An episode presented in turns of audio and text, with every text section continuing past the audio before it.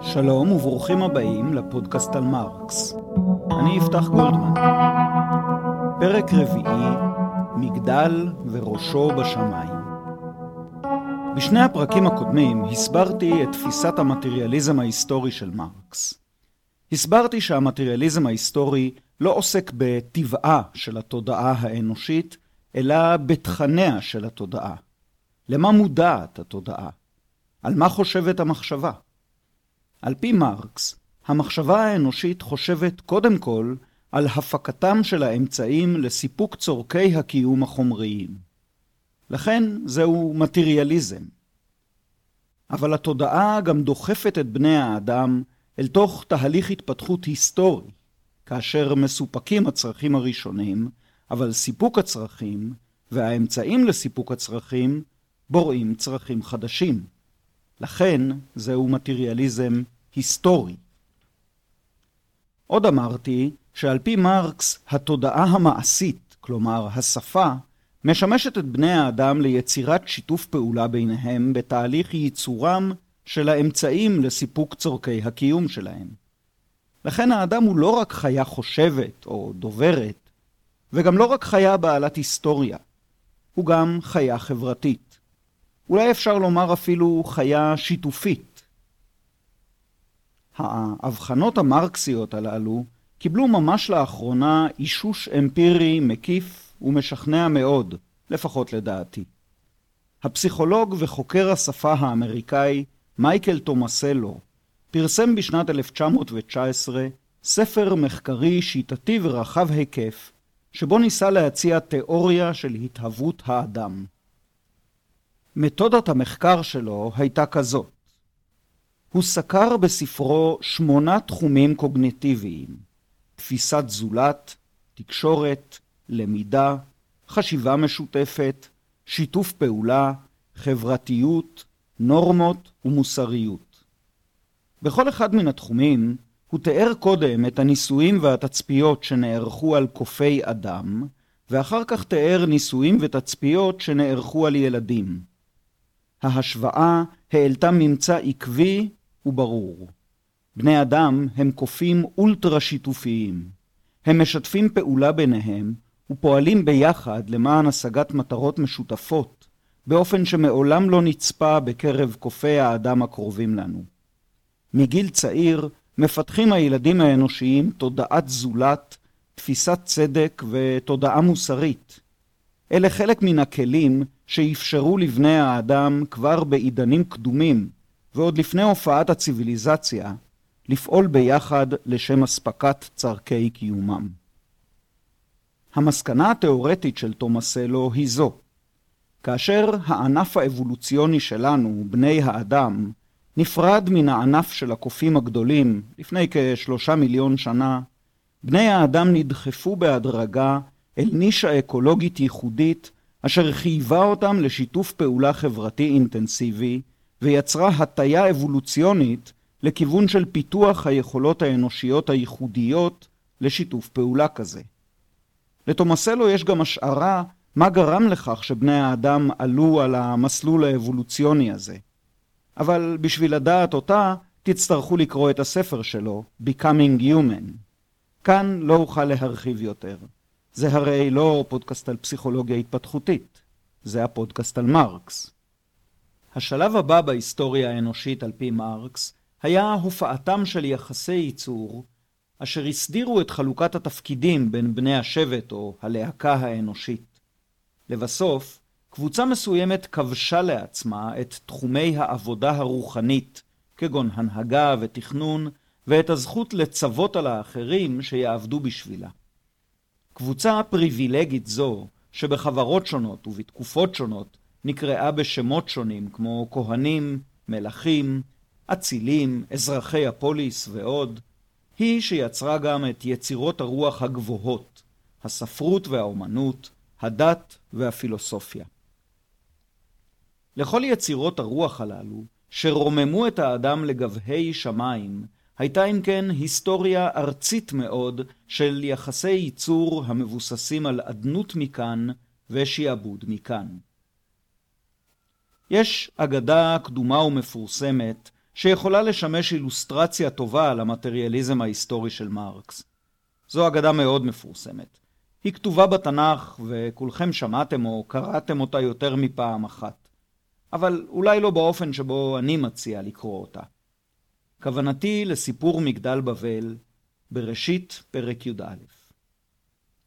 ויהי כל הארץ שפה אחת ודברים אחדים.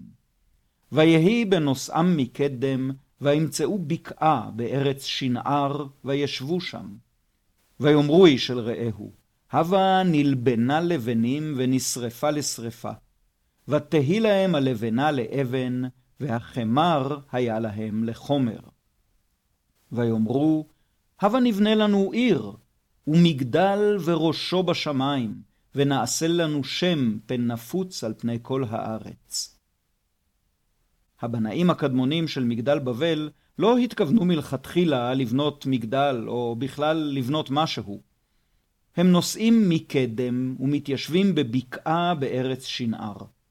אבל כמעט מיד הם נתקלים בקושי הנוגע לסיפוק הצרכים. בבקעה אין אבנים לבנות מהן בתים, אבנים נמצאות הרי בהרים, לא בבקעה. אין להם אבנים, אבל יש להם הרבה טיט נהרות המצוי בשפע, ויש להם שפה ותודעה ויכולת לחשיבה משותפת ולתכנון. ויאמרו איש אל רעהו, הבה נלבנה לבנים ונשרפה לשרפה, ותהי להם הלבנה לאבן. בני האדם ממציאים את לבנת הטיט השרוף. הלבנה הרי היא אבן מלאכותית, כלומר אבן בניין שהופקה ועוצבה מראש לצורך זה בתהליך של עבודה יצרנית. לבני טיט שרופות או מיובשות בשמש שימשו כידוע לבניית הערים הראשונות במסופוטמיה, במצרים העתיקה ובעמק נהר האינדוס. הגיבורים האלמונים של האגדה שלפנינו מחליטים לבנות עיר. בדרך זו יספקו בצורה טובה יותר את צורכי הקיום החומריים שלהם. קודם כל את הצורך בקורת גג, ואחר כך גם צרכים אחרים. אבל כפי שלמדנו אצל מרקס, מעשה סיפוק הצרכים והמכשיר או המוצר שפותח כדי לספקם, מולידים צרכים חדשים. כמעט בנשימה אחת עוברים בני האדם מן העיר הנותנת מענה לצרכים המטריאליים, אל פרויקט חדש ושאפתני הרבה יותר, מגדל וראשו בשמיים. בני האדם שגילו את חוכמת המלאכה כבר אינם מסתפקים במתן מענה לצרכים החומריים שלהם. עכשיו יש להם צרכים חדשים, רוחניים יותר. הם רוצים לעשות לעצמם שם, הם רוצים לבדל את עצמם, לייחד את עצמם, להיחלץ מן הגורל הצפוי לכל אורגניזם בטבע, להתפרק בבוא יומו ולחזור לעפר.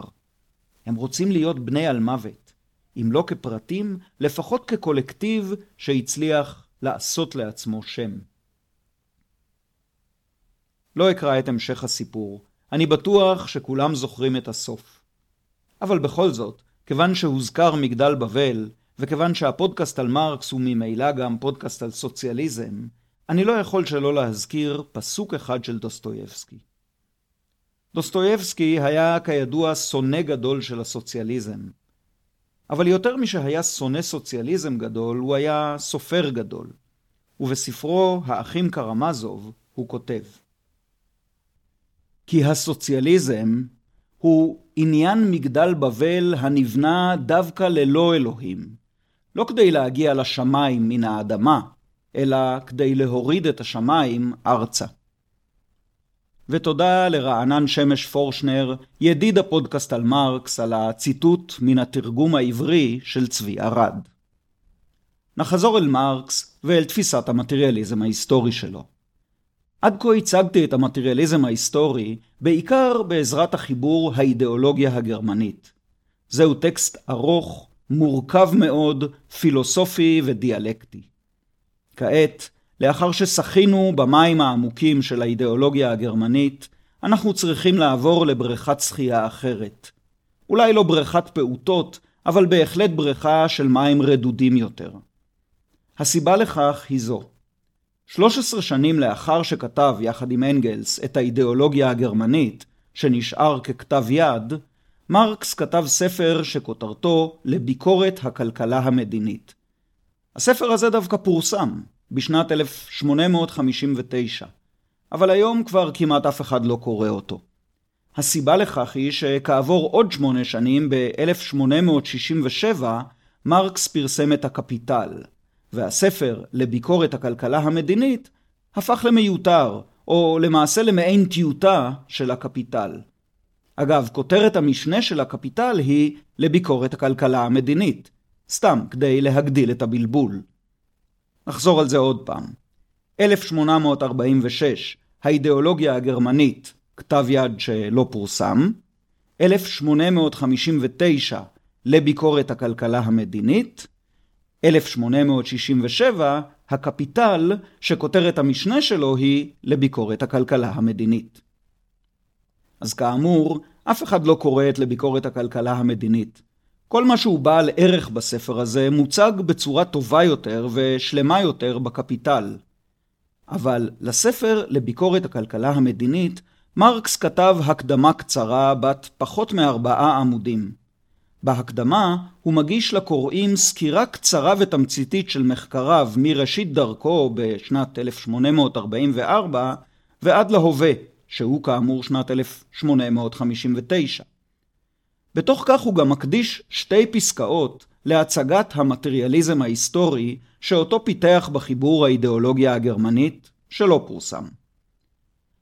הקדמה זו של מרקס לביקורת הכלכלה המדינית ברבות השנים נפרדה מן הספר שאותו הקדימה והפכה לטקסט מרקסי עצמאי. למעשה זהו אחד הטקסטים המפורסמים ביותר של מרקס, ודווקא ההקדמה הזאת מוצגת פעמים רבות בתור כרטיס הביקור של המטריאליזם ההיסטורי. זה לא טקסט גרוע של מרקס, ואולי אי אפשר לעשות עבודה טובה יותר כשבאים לסכם תזה פילוסופית מורכבת בשתי פסקאות. אבל התמצות הזה הטעה פרשני מרקס רבים, מעריצי מרקס ושונאי מרקס, שבמקום לראות בדברים הללו שרטוט פשטני וסכמטי של המטריאליזם ההיסטורי, טעו לראות בהם את המטריאליזם ההיסטורי עצמו. דווקא משום כך, חשוב להתעכב על הטקסט הזה, להסביר אותו ולהסביר את מוגבלויותיו. כך כותב מרקס. תוך הייצור החברתי של חייהם נכנסים אנשים ביחסים מסוימים, הכרחיים, בלתי תלויים ברצונם, ביחסי ייצור המתאימים לשלב התפתחות מסוים של כוחות הייצור החומריים שלהם. המכלול של יחסי ייצור אלה מהווה את המבנה הכלכלי של החברה, את הבסיס הממשי שעליו נישא בניין על-משפטי ומדיני ושלו מתאימות צורות תודעה חברתיות מסוימות. אופן הייצור של החיים החומריים מתנה את תהליך החיים החברתי, המדיני והרוחני בכללו. לא תודעת האנשים היא הקובעת את הווייתם, אלא להפך, הווייתם החברתית היא הקובעת את תודעתם. אמרתי שזהו שרטוט סכמטי, משום שמרקס מציג בדבריו מעין סכמה, כמעט אפשר לצייר את זה. דמיינו בעיני רוחכם שני מלבנים המונחים אחד על גבי השני. המלבן התחתון צבוע בצבעים עזים, והמלבן העליון הוא ארוך מאוד, מתנשא לגובה רב, וקווי המתאר שלו מטשטשים בהדרגה, עד שבקצה העליון מסגרת המלבן כמעט בלתי נראית, מעין מגדל שראשו בשמיים. המלבן התחתון הוא הדבר שמרקס קורא לו הבסיס הכלכלי, ובשם אחר, אופן הייצור. המלבן העליון הוא בניין העל האידיאולוגי. עכשיו חיזרו אל המלבן התחתון, אל הבסיס הכלכלי, וחלקו אותו לרוחבו לשניים. החלק הנמוך ביותר, הבסיס של הבסיס, נקרא כוחות הייצור. החלק השני, הגבוה יותר של הבסיס, נקרא יחסי ייצור. כאמור, כוחות הייצור ויחסי הייצור ביחד מרכיבים את אופן הייצור, שהוא הבסיס הכלכלי כולו. כוחות ייצור הם האמצעים העומדים לרשותם של בני האדם על מנת לספק את צורכיהם החומריים. הם מהווים סוג של אינטראקציה בין האדם לבין הטבע. בתקופה מסוימת, כוח הייצור העיקרי הוא שריריו של האדם העובד, נניח בתקופה קדומה מאוד.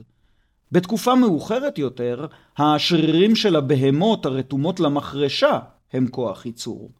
גם המחרשה עצמה היא כוח ייצור, וכך גם מנוע הקיטור או השבב האלקטרוני. יחסי הייצור הם יחסים חברתיים, יחסים בין בני אדם. הם היחסים החברתיים שבמסגרתם מתבצע הייצור החומרי. אדון עבד הוא יחס ייצור, אומן ושוליה הוא יחס ייצור, וכמובן קפיטליסט ופועל שכיר הוא יחס ייצור. יחסי הייצור מביאים לידי תנועה ופעולה את כוחות הייצור. הם מהווים דרך מסוימת להפעיל את כוחות הייצור המסוימים העומדים לרשותם של בני האדם באותה עת.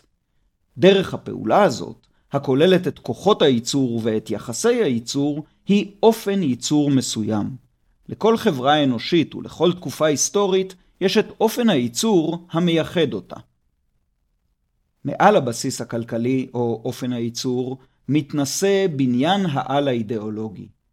גבוה למעלה נמצאות היצירות הרוחניות ביותר של אותה תקופה היסטורית. האומנות שלה, הפילוסופיה והדת שלה. הרחק מתחתן, קרוב הרבה יותר לבסיס, נמצאים החוקים, דפוסי השלטון ויתר המאפיינים המשפטיים והפוליטיים של התקופה. וכאן מופיעה הבעיה הראשונה בציור הזה. הפוליטיקה והמשפט. נראה, או לפחות משתמע, שלפי מרקס, הפוליטיקה והמשפט שייכים לבניין העל האידיאולוגי. אבל אם הגדרנו בצורה נכונה את המושג יחס ייצור, נראה שהפוליטיקה והמשפט הם חלק מיחס הייצור, או הם הצורה הכללית ביותר של יחסי הייצור בכל חברה. הרי אמרנו קודם שיחסי הייצור הם היחסים החברתיים שבמסגרתם מתבצע הייצור. ובכן, בין האדון והעבד יש יחס ייצור פרטי, יחס בין שני אנשים פרטיים. כך גם בין בעל המפעל והעובד השכיר שלו. אבל בחברה היסטורית מסוימת העבדות היא חוקית, ובחברה אחרת היא אסורה. ובמדינה אחת יש חוק הקובע את שכר המינימום, ובמדינה אחרת אין חוק כזה, ובמדינה שלישית מתנהל מאבק לחקיקת חוק שיעלה את שכר המינימום. כל אלה דוגמאות ליחסים חברתיים פוליטיים, המהווים את הקונטקסט הכללי ליחסי הייצור הפרטיים בין האדון והעבד או המעסיק והשכיר. מעין מסגרת שבתוכה מתקיימים היחסים האלה. אם הניתוח הזה נכון, אנחנו צריכים להבין את הפוליטיקה והמשפט כחלק מיחסי הייצור, כלומר כחלק מאופן הייצור או מהבסיס הכלכלי. לדעתי, זו ההבנה הנכונה, המתאימה למכלול הגותו של מרקס. אבל הסתמכות יתרה על פסקה זו מן ההקדמה לביקורת הכלכלה המדינית, הטעתה פרשני מרקס מסוימים, וגרמה להם לטעון שהפוליטיקה, החוק והמשפט הם חלק מבניין העל האידיאולוגי, או בקצרה, שהפוליטיקה היא סוג של אידיאולוגיה. ולמה זה חשוב? זה מסתבר מהמשך הפסקה. על פי מרקס, לפחות בפסקה זו, בניין העל האידיאולוגי נקבע על ידי הבסיס הכלכלי. כיוון ההתניה הוא מלמטה למעלה. כוחות הייצור קובעים, כלומר מכתיבים, את יחסי הייצור, ואופן הייצור כולו, כוחות ייצור ויחסי ייצור, מכתיב את בניין העל האידיאולוגי המתאים לו. הרעיונות, הדעות, הערכים, הנורמות, החוקים ויצירות הרוח, כולם מעין תגובות או השתקפויות של אופן הייצור. ברור שהשתקפות לא יכולה לעצב את הדבר שאותו היא משקפת. אני יכול לעמוד מול מראה ולקבל השתקפות מדויקת שלי. אני יכול גם לעמוד מול מראה מעוותת ולקבל השתקפות המראה אותי כשמן יותר מכפי שאני, או כגבוה יותר מכפי שאני. אבל המראה לא באמת עושה אותי שמן או גבוה יותר. היא לא משנה את הנתונים האמיתיים שלי, רק משקפת אותם בצורה מדויקת או מעוותת. אם היחסים הפוליטיים והמשפטיים בין בני האדם הם חלק מבניין העל האידיאולוגי, הרי שהם רק השתקפות של הבסיס הכלכלי. לנהל מאבק פוליטי, לפיכך, זה לנהל מאבק לשינוי ההשתקפות של המציאות החברתית, ולא לשינוי המציאות החברתית עצמה. בערך כמו להתבונן במראה מרזה במקום לעשות דיאטה. אבל בכל הגותו ובכל פועלו המעשי, מרקס היה מסור למאבק הפוליטי. הוא קרא לפוליטיזציה של הסוציאליזם, לפוליטיזציה של מעמד העובדים, להקמת מפלגות של הפרולטריון, לניהול פוליטיקה פרוגרסיבית או מהפכנית. כיצד אפשר ליישב זאת עם הרעיון שהפוליטיקה היא חלק מבניין העל האידיאולוגי, שהיא רק השתקפות פסיבית של היחסים הכלכליים? זהו שלדעתי אי אפשר. והנה עוד בלבול נפוץ בהבנת מרקס. אני קורא, לא תודעת האנשים היא הקובעת את הווייתם, אלא להפך. הווייתם החברתית היא הקובעת את תודעתם. כך אומר מרקס בסוף הפסקה שקראנו. הניסוח הזה הוא הדבר הקרוב ביותר למשפט מפורסם של מרקס, ההוויה קובעת את ההכרה. הכרה ותודעה הן בהקשר זה מילים נרדפות. זה משפט מפורסם של מרקס שמרקס לא כתב בשום מקום.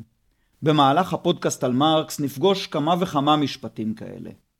כשמעיינים במה שמרקס כן כתב, רואים שמרקס לא מסתפק בטענה המטאפיזית כללית שההוויה קובעת את התודעה, אלא מדייק ואומר ההוויה החברתית קובעת את התודעה.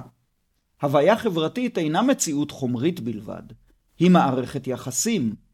וכפי שכתב מרקס באידיאולוגיה הגרמנית, יחס, במובן של התייחסות פעילה ומודעת, הוא מאפיין ייחודי של האדם כבריאה בעלת תודעה.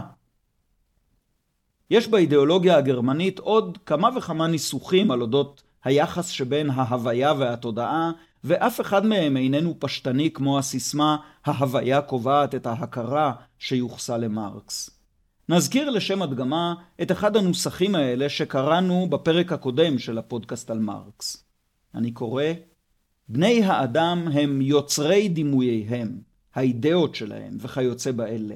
אך מדובר באנשים המציאותיים, הפעילים במציאות, כפי שהם מותנים על ידי התפתחות מסוימת של כוחות הייצור שלהם ושל המגע ומסע הנלווה לכך עד לצורות המפותחות ביותר. לעולם אין התודעה יכולה להיות אלא ההוויה המודעת, והווייתם של בני האדם היא תהליך חייהם המציאותי. זה בוודאי פחות פשטני וסכמטי מההוויה קובעת את ההכרה. וגם מלא תודעת האנשים קובעת את הווייתם, אלא להפך, הווייתם החברתית היא הקובעת את תודעתם, שזה כאמור הנוסח מן ההקדמה לביקורת הכלכלה המדינית. מעניינים לא פחות דבריו של מרקס בהקדמה לביקורת הכלכלה המדינית הבאים מיד אחר כך. בשלב מסוים של התפתחותם באים כוחות הייצור החומריים לכלל סתירה עם יחסי הייצור הקיימים, או, מה שאינו אלא ביטוי משפטי לכך, עם יחסי הקניין שבתחומם נעו עד כה. מצורות התפתחות של כוחות הייצור נהפכים היחסים הללו לכבליהם. זהו בעיניי ציור הרבה יותר מוצלח מן הציור הקודם, שבו יחסי הייצור הונחו על גבי כוחות הייצור ונקבעו על ידם. הוא גם הרבה יותר דיאלקטי. מכאן מסתבר שיחסי הייצור, שכאמור יש בהם רכיב של תודעה ומודעות, לא רק נקבעים על ידי כוחות הייצור, הם גם צורות ההתפתחות של הכוחות הללו, או מסגרת שבתוכה נעים ומופעלים הכוחות הללו. ברגע מסוים, כוחות הייצור שהתפתחו כבר אינם מתאימים למסגרת הקיימת של יחסי הייצור. יחסי הייצור שעד אתמול פיתחו את כוחות הייצור, הפעילו אותם והשתמשו בהם, הופכים עכשיו למגבלה שיש לפרוץ אותה. כמו נניח הביצה השומרת על האפרוח שבתוכה עד לרגע שבו הוא מוכן לבקוע.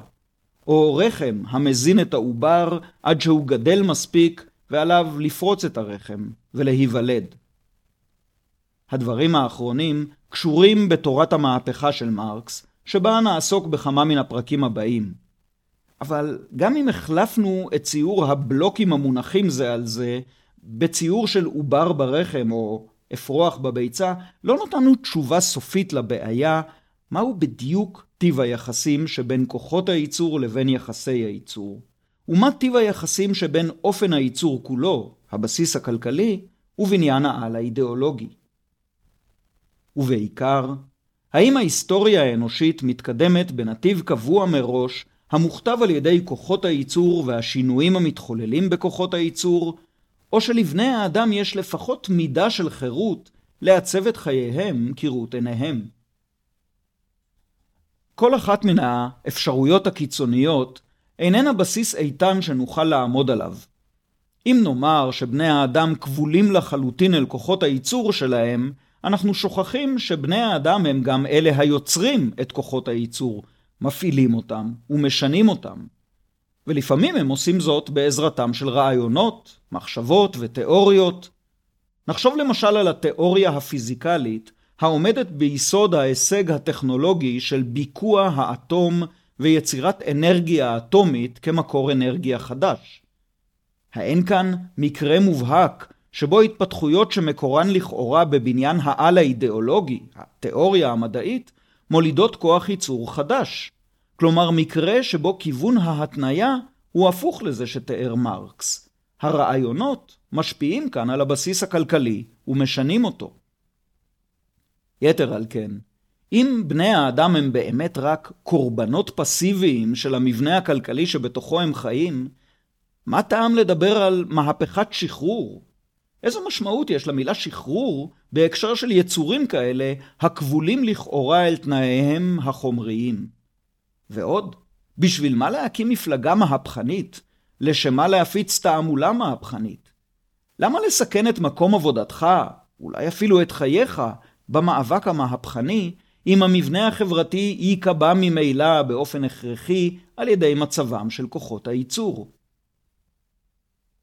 ומצד שני, אם נאמר שבני האדם חופשיים לעצב את חייהם כראות עיניהם ואינם מוגבלים על ידי כוחות הייצור ויחסי הייצור שלהם, שוב נאלץ לשלם מחיר כבד. בתור התחלה נאבד את המטריאליזם ההיסטורי, אולי גם את מרקס כולו. אבל מה שחמור עוד יותר, התזה האידיאליסטית הזאת פשוט לא נשמעת סבירה. מכל מקום היא לא נשמעת סבירה לאוזניי, בוודאי לא אחרי שלמדתי את משנתו של מרקס. נראה שכשאנחנו שומטים את אחיזתנו במטריאליזם ההיסטורי, אנחנו נסחפים כמעט מיד אל אוסף של סיסמאות רדודות מהסוג המתאים לספרי הדרכה ניו-אייג'יים, או אולי לנאומים במסיבת פרישה של חברה לעבודה. השלום מתחיל בתוכי, השמיים הם הגבול, תוכלי להגשים כל חלום, הדבר היחיד שמגביל אותך הוא הפחד שלך. את מנוצלת רק אם את מרגישה מנוצלת, וכן הלאה. ייתכן שאין לבעיה הזאת תשובה סופית ומניחה את הדעת. אני מבקש להדגיש, אני לא חושב שהבעיה נובעת מן הניסוח התמציתי מדי והלא מאוד מוצלח שבהקדמה לביקורת הכלכלה המדינית. אני חושב שאי הנחת שגורם לנו המטריאליזם ההיסטורי נשאר בעינו גם כשחוזרים אחורה אל הניסוחים המורכבים, העשירים והמפורטים יותר שכתב מרקס באידיאולוגיה הגרמנית ובחיבורים אחרים משנות ה-40 של המאה ה-19. אני מעז להסתכן בהשערה שגם אילו היינו יכולים לשוחח עם מרקס ולשאול אותו אלף שאלות הבהרה, היינו נשארים מבולבלים, או לפחות מוטרדים ובמצב של אי נחת. כדי לאשש את ההשערה הזאת, אקרא לכם שני קטעים אחרים שכתב מרקס באותה תקופה שבה כתב ביחד עם אנגלס את האידיאולוגיה הגרמנית. הקטע הראשון הוא מתוך מכתב תשובה שכתב מרקס למבקר ספרות רוסי בשם אננקוב, ששאל אותו, כלומר את מרקס, מה דעתו על ספרו של פייר ז'וזף פרודון, הפילוסופיה של הדלות. דעתו של מרקס הייתה שזה ספר גרוע מאוד. מרקס, שהיה ידוע בלשונו החריפה והארסית, הגיב לספר של פרודון, הפילוסופיה של הדלות, בספר משלו שבו קטל את פרודון. הוא קרא לספרו דלות הפילוסופיה. אבל מה שחשוב לענייננו, הוא שבמכתב התשובה לאננקוב, מרקס גם מציג את השקפתו שלו, כלומר, את המטריאליזם ההיסטורי. אקרא קטע קצר מהמכתב, וכרגיל בהשמטות מסוימות. מהי החברה, ותהיה צורתה אשר תהיה? הווה אומר, תוצר פעולת הגומלין של האנשים. האם בני חורין הם האנשים לבור להם צורת חברה זו או זו? בשום פנים לא. טול כהנחה שלב התפתחות מסוים בכוחות הייצור של האנשים, והרי לך צורה מתאימה של החליפין והצריכה. טול כהנחה שלבים מסוימים בהתפתחות הייצור, החליפין והצריכה, ולפניך צורה מתאימה של מבנה סוציאלי, ארגון מתאים של המשפחה, של השדרות או של המעמדות, בקיצור, חברה אזרחית מתאימה. טול כהנחה חברה כזו, ולפניך משטר מדיני מתאים, שאינו אלא ביטויה הרשמי של אותה חברה. סוף ציטוט. מן הקטע הזה נראה שמרקס מחזיק בעמדת הקיצון החמורה ביותר של המטריאליזם ההיסטורי. שלב ההתפתחות של כוחות הייצור קובע באופן נחרץ את כל היתר. אבל כשנה לפני כן, מרקס כתב לעצמו 11 סעיפים או תזות בהתייחס לספרו של לודוויג פוירבך, מהות הנצרות. אלה התזות על פוירבך המפורסמות. כבר התייחסתי פעמיים אל התזה האחת עשרה, המפורסמת מכולן, אבל עכשיו אני רוצה לקרוא לכם קטע מן התזה השלישית. התורה המטריאליסטית, האומרת כי האנשים הם יצירי הנסיבות והחינוך, וכי על כן אנשים שנשתנו הם יצירי נסיבות אחרות וחינוך שנשתנה, תורה זו שוכחת שבני האדם הם הם המשנים את הנסיבות, ושהמחנך עצמו בדין הוא שיחונך. כאן מרקס מדגיש דווקא את פעולתם של בני האדם המעצבים ומשנים את נסיבות חייהם, כלומר גם את יחסי הייצור שלהם, ואפילו את כוחות הייצור. האם אפשר ליישב את הניגוד הזה? רמז מסוים נוכל לקבל מכלל פרשני שאותו קראתי לראשונה אצל יגאל וגנר, שהוא מטובי הפרשנים של מרקס שכתבו בעברית. וגנר הפנה את תשומת הלב לכך שכמעט כל הכתיבה של מרקס היא כתיבה פולמוסית.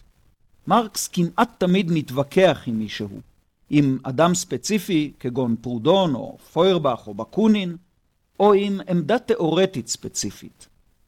כדי להבין את מרקס, חשוב לשים לב עם מי בדיוק הוא מתווכח בכל טקסט. שני הקטעים שקראתי קודם הם פולמוסיים. בראשון שקראתי, מרקס מתווכח עם פרודון. בשני, הוא מתפלמס עם פוירבך. וכאן הנקודה החשובה. את פרודון מרקס מזהה כאידיאליסט, ואת פוירבך הוא מזהה כמטריאליסט. אל מול האידיאליזם של פרודון, מרקס מציג עמדה מטריאליסטית נחרצת. אבל אל מול המטריאליזם של פוירבך, מרקס מדגיש דווקא את חירותם של בני האדם, וליתר דיוק את פעולתם המעצבת על תנאי חייהם. המטריאליזם ההיסטורי תופס אם כן מין עמדת ביניים בין אידיאליזם לבין מטריאליזם מטאפיזי. כשהוא מוצג אל מול האידיאליזם, מקבלים המאפיינים המטריאליסטיים של המטריאליזם ההיסטורי דגש יתר. אבל כשאותו מטריאליזם היסטורי מוצג אל מול המטריאליזם המטאפיזי, הוא נראה פתאום דומה קצת לאידיאליזם, כשהוא מדגיש דווקא את הפעילות היוצרת של בני האדם. עדיין מבולבלים? ננסה לבקש עזרה מפרידריך אנגלס, ידידו ושותפו של מרקס. אנגלס היה גם תאורטיקן חשוב בפני עצמו, הייתה לו תרומה גדולה למרקסיזם ולתנועה הסוציאליסטית, גם משום שהאריך ימים הרבה אחרי מרקס. כמה מן החיבורים שכתב, בעיקר אחרי מותו של מרקס, הם מספרי היסוד של התיאוריה הסוציאליסטית. במכתב שכתב אנגלס שבע שנים אחרי מות מרקס, הוא כותב לפי תפיסת ההיסטוריה המטריאליסטית, הייצור והרפרודוקציה של החיים המציאותיים הם הגורם הקובע בהיסטוריה בחשבון אחרון. יותר מזה לא טענו מעולם, לא מרקס ולא אני. ואם בא אדם ומעוות את הדברים לאמור שהגורם הכלכלי הוא היחידי שקובע, הרי הוא הופך אותו משפט למליצה סתמית, מופשטת ותפלה. אלא שעכשיו עלינו לשאול את אנגלס, מהו ההבדל בין הגורם הקובע בחשבון אחרון לבין הגורם היחידי שקובע? איכשהו נדמה ששני הביטויים הללו לא באמת שונים כל כך זה מזה. לי לפחות ההבדל לא ממש ברור. אנחנו ממשיכים לחפש את דרכנו. אנסה להציע מטאפורה משלי שתעזור אולי להסביר את המטריאליזם ההיסטורי. כדרכן של מטאפורות, זה יותר ציור או משל מאשר פירוש רציונלי, וזכרו שהמשל לעולם אינו זהה עם הנמשל. נחשוב לרגע על משחק השחמט. אני והבן שלי מרבים לשחק שחמט. הוא בכיתה ד', כך שאני מצליח איכשהו לנצח פעם אחת על כל פעמיים שבהן אני מפסיד. הוא אגב טוען שאני מנצח פעם אחת על כל שלושה הפסדים, אבל לא זה העניין.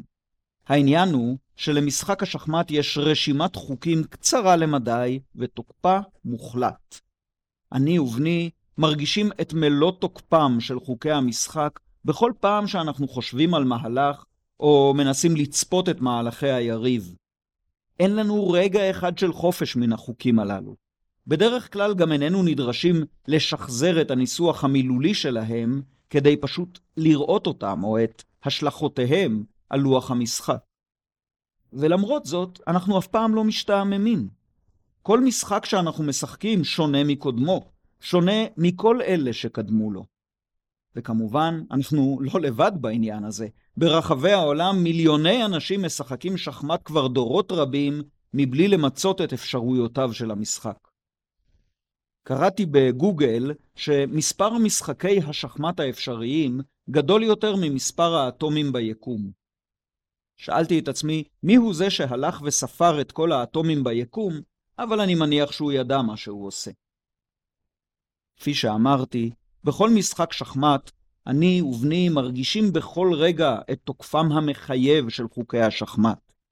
אבל בכל משחק אנחנו חווים גם את מחשבתנו המאומצת ורצוננו הפעיל בתכנון המהלכים ובהוצאתם לפועל.